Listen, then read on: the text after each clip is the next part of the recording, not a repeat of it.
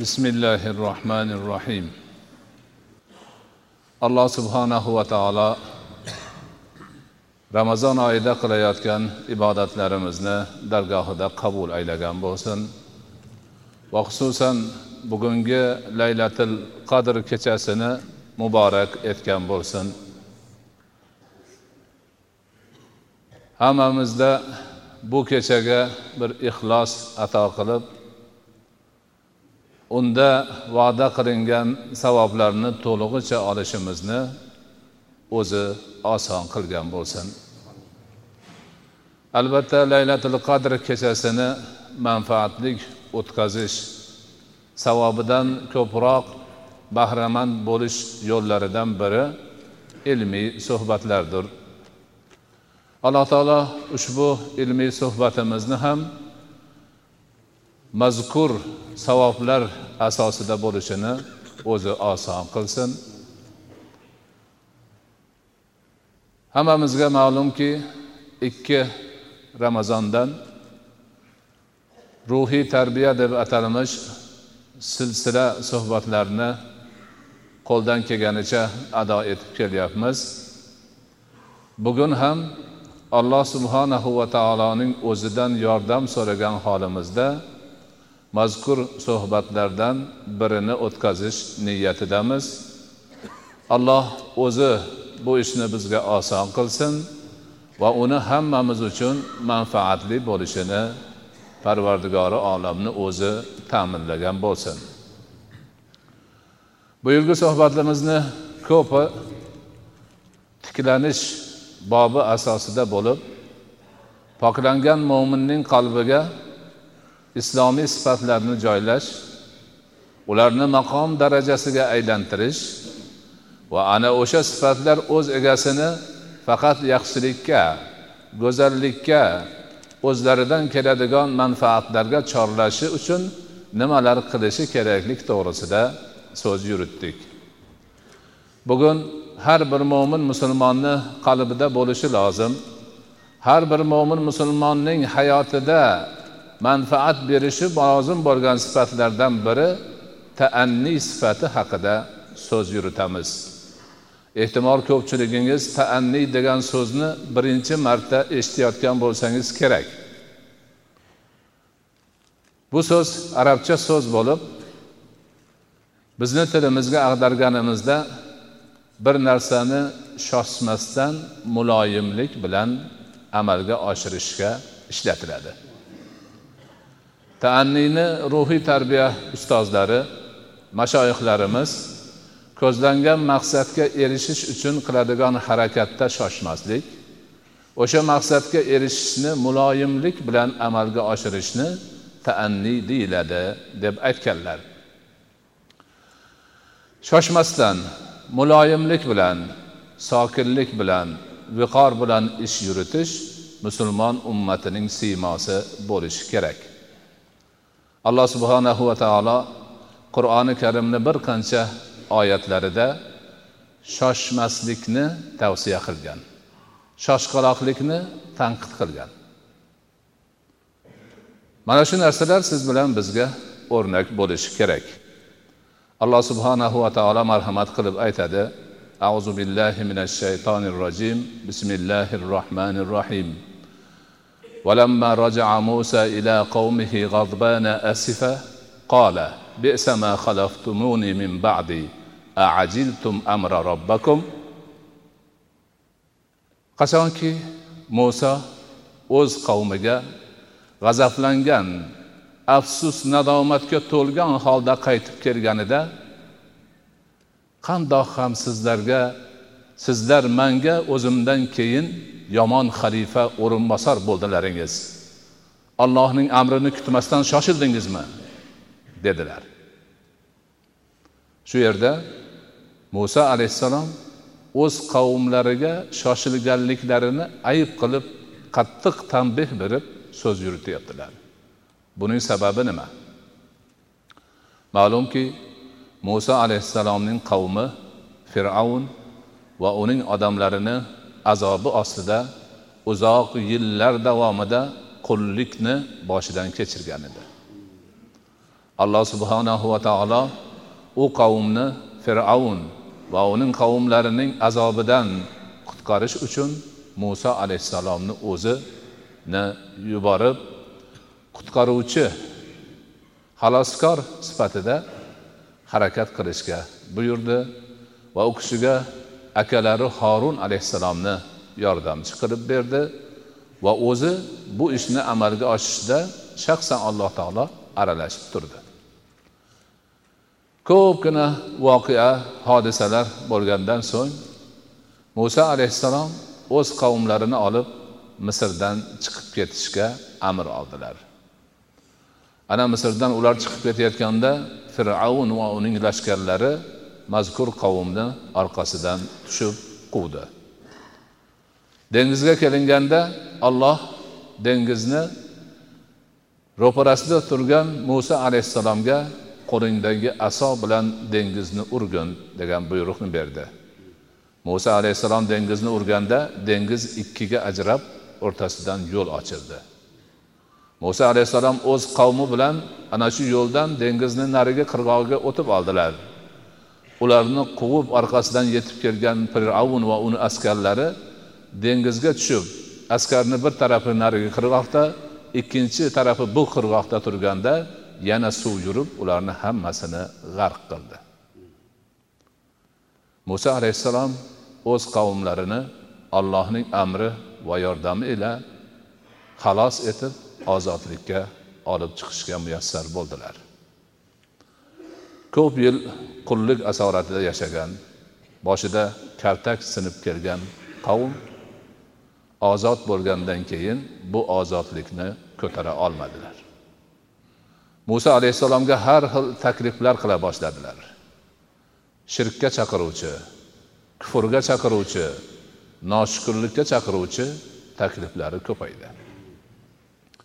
Alloh o'zi muso alayhissalomni huzuriga chorlab miqot e'lon qildi va u kishiga buyruqlar berishi qavmini qanday boshqarishi to'g'risidagi ta'limotlarni berishini e'lonini qildi. Muso alayhissalom qavmiga bu bayonotni yetkazdilar. Sizlar mani kutinglar. Akam o'rnimda qoladi. Hammalaringiz odob bilan yaxshi bir holatda turinglar. Olamlarning robbi huzuriga man chorlanganman degan ma'noda gap aytdilar. Va allohning miqotiga ravona bo'ldilar. Muso alayhissalom ketishlari bilan qavmni ichida fitna boshlandi. Turli gaplar ko'paydi.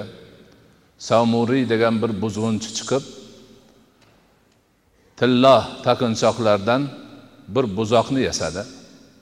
Va shu buzoqqa ibodat qilishga qavmni chaqirdi. Qavm uni gapiga kirib tillodan yasalgan buzoq haykaliga ibodat qildi.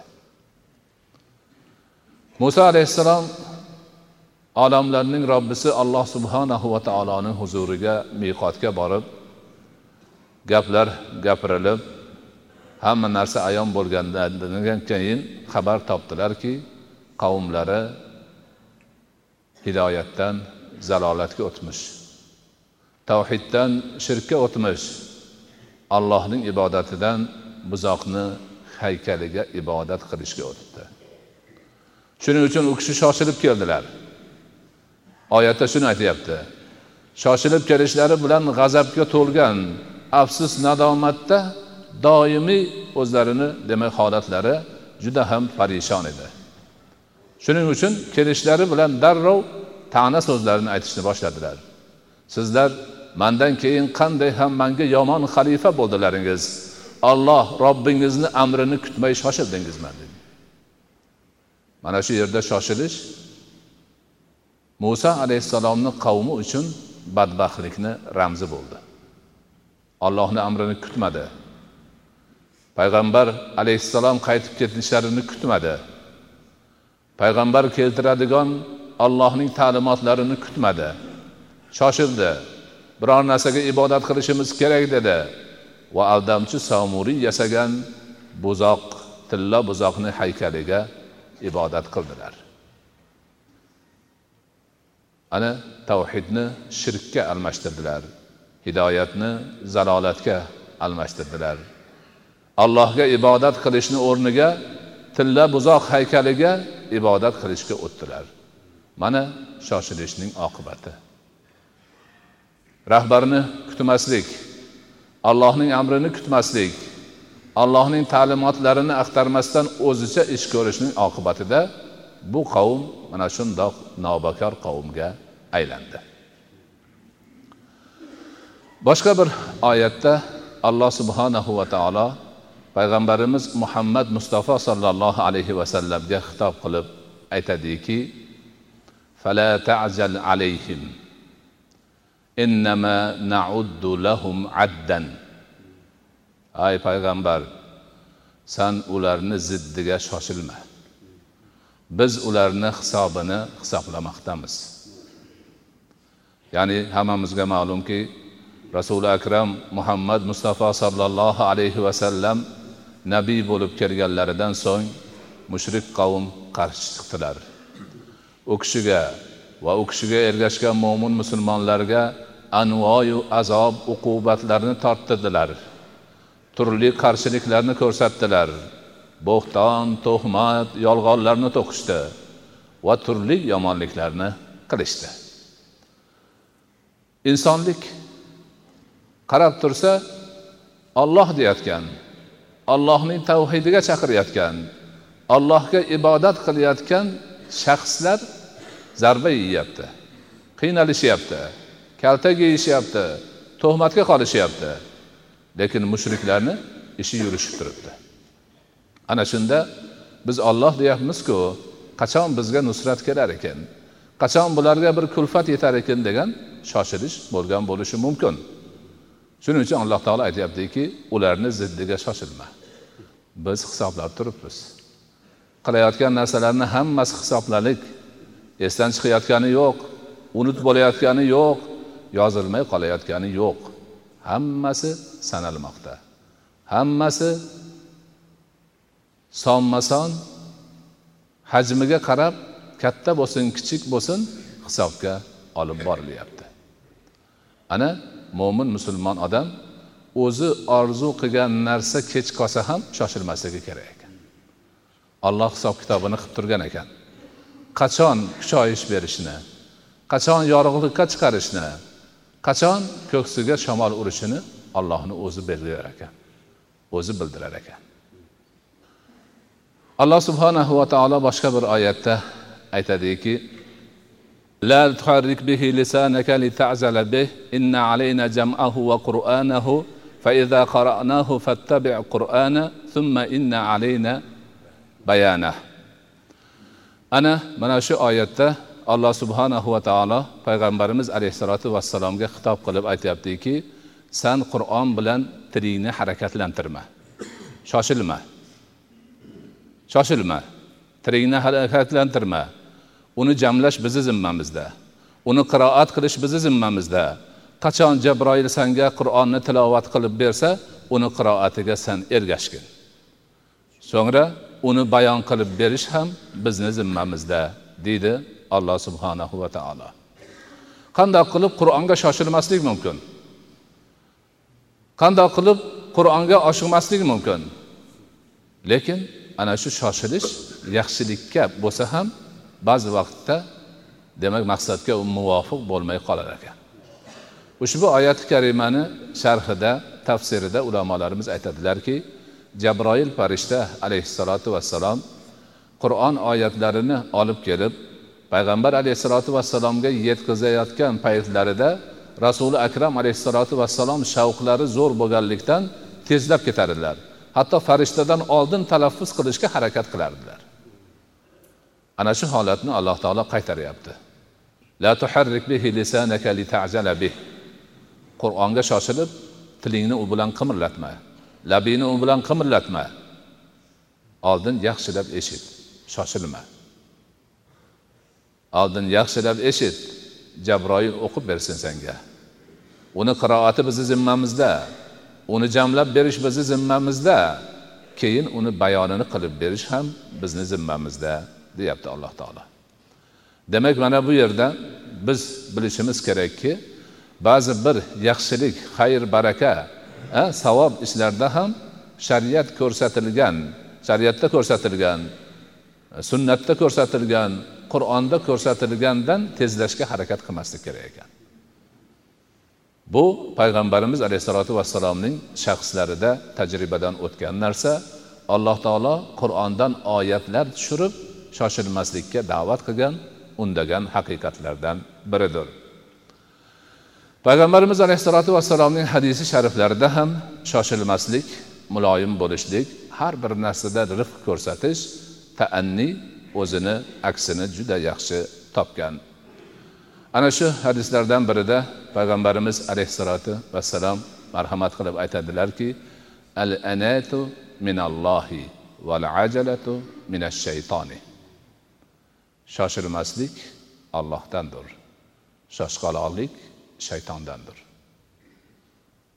Qisqa qisqa hadis lekin butun olamga tatiydi noo'rin shoshqaloqlik qilish tezlik qilish bu shaytonni ishi. Mo'min musulmon odamga mutlaqo to'g'ri kelmaydigan narsa. Balki shoshmasdan o'zini holatiga qarab muvofiqlik bilan muloyimlik bilan harakat qilish ollohdan bo'ladi. Ana shunday ish tutgan inson ollohning ko'rsatganida yurgan bo'ladi ishi muvaffaqiyatga erishadi va natijasi yaxshi bo'ladi xayrli bo'ladi barakali bo'ladi. Boshqa bir hadis sharifda payg'ambarimiz alayhissalotu vassalom marhamat qilib aytadilarki الصمت الصالح والهدي الصالح والاقتصاد جزء من خمسة وعشرين جزءا من النبوة. وفي رواية أخرى السمت الحسن والأنات والاقتصاد جزء من أربعة وعشرين جزءا من النبوة. رسول أكرم عليه الصلاة والسلام مرحمة قلب aytadilarki yaxshi solih hidoyat. Va solih ko'rinish. Hamda iqtisodli tejamkor bo'lish payg'ambarlikni yigirma besh juzidan bir juzdir deydilar. Boshqa bir rivoyatda go'zal ko'rinish shoshilmaslik va iqtisod payg'ambarlikni yigirma to'rt juzidan bir juzdir deganlar. Demak shoshqaloq bo'lmaslik shoshilmasdan raviyada bosiqlik bilan tejamkorlik bilan ish tutish payg'ambarlikni juzlaridan bir juz ekan. Agar payg'ambarlik bir butun narsa deb tasavvur qilinadigan bo'lsa ana shuni yigirma to'rt bo'lganda bir juzi shoshilmaslikni raviyada bo'lishni bosiqlikni demak tashkil qilar ekan. Bu albatta juda ulug' nihoyatda buyuk bir holatdir. Rasuli akram alayhissalotu vassalom al munzir al ashaj degan kishiga fika قلتين خلتين يحبهم الله ورسوله. dediler. قال يا رسول الله أنا أتخلق بهما أو الله جبلني عليهما؟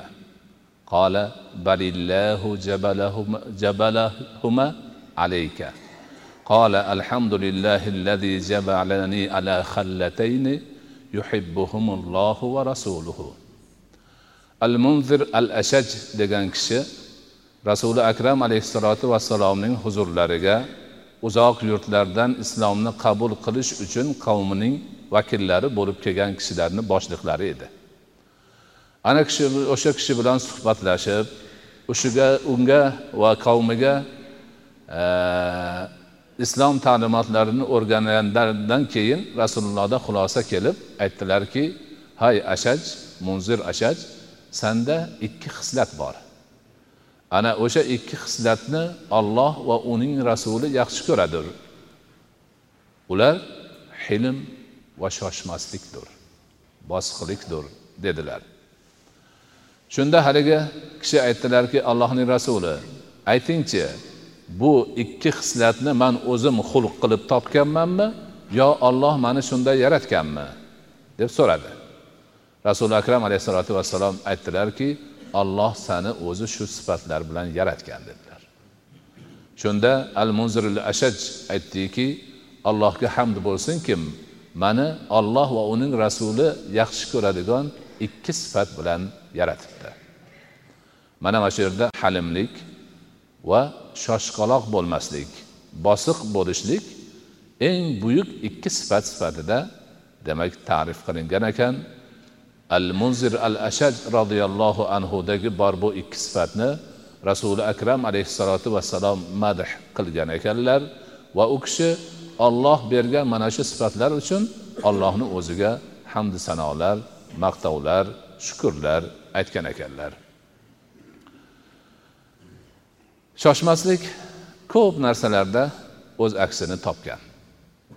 Misol uchun payg'ambarimiz alayhissalotu vassalom hazrati bilolga aytadilarki ya bilalu iza azzanta fatarassal va iza aqamta fahdur واجعل بين آذانك وإقامتك قدر ما يحتاج إليه الشارب الذي من شربه أو حتى يفرغ الشارب من شربه والآكل من أكله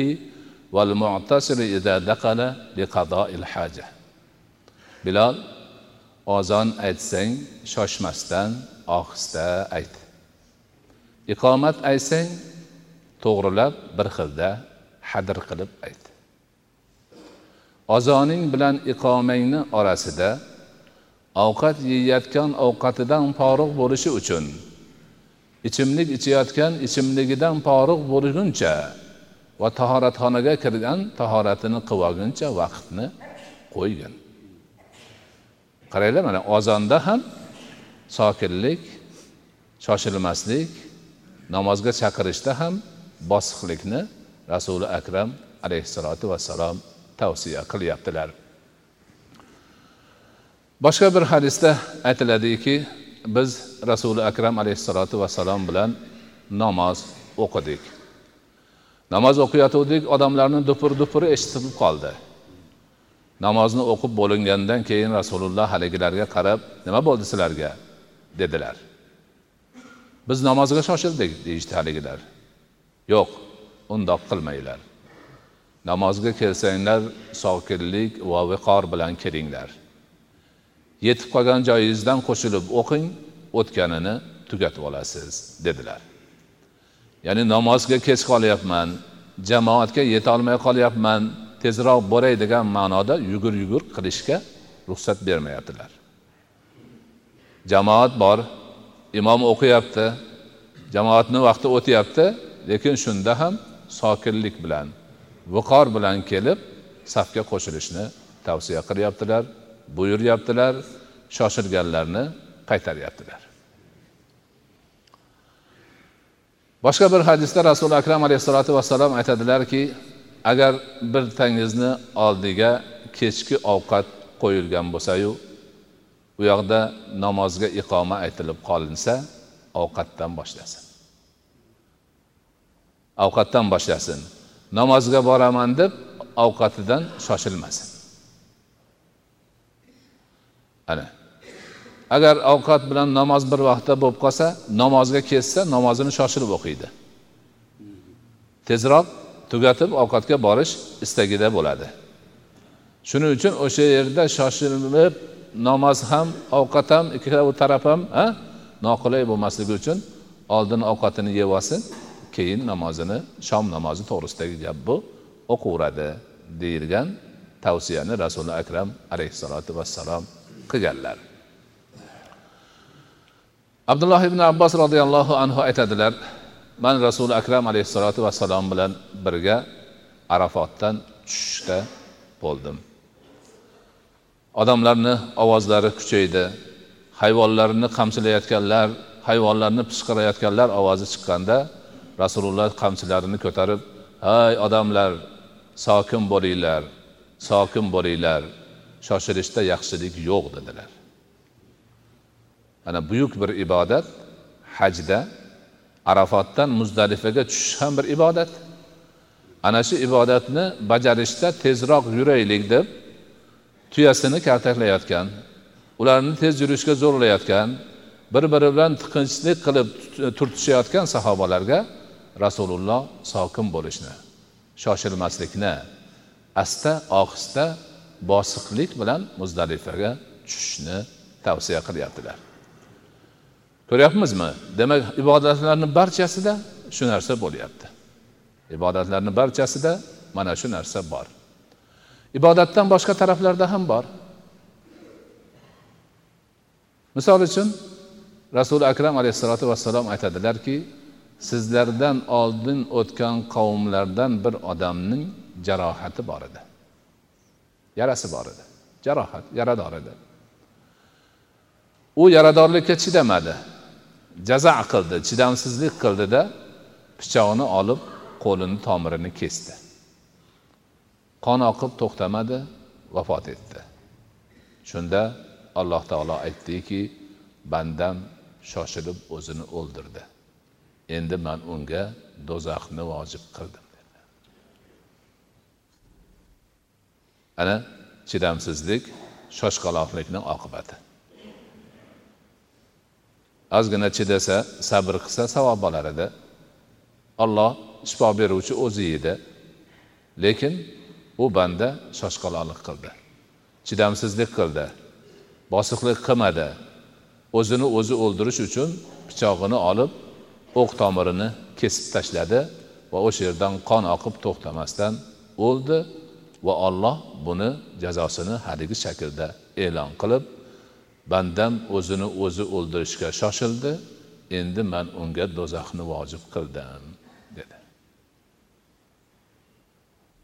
Bir rasuli akram alayhissalotu vassalomga dushman qavmlardan ma'lum mashhur oysha onamiz rivoyat qiladilar. O'shalardan bir guruhi kelib rasulullohga assalomu alayka deyishdi. Oysha onamiz aytadi man bu gal ularni gapini tushundimda darhol assalomu alaykum va la'na dedim. Som sizlarga bo'lsin la'nat bo'lsin sizlarga dedim. Assalomu alaykum degani sizlarga o'lim bo'lsin degani. Assalomuga o'xshatib aytishadi.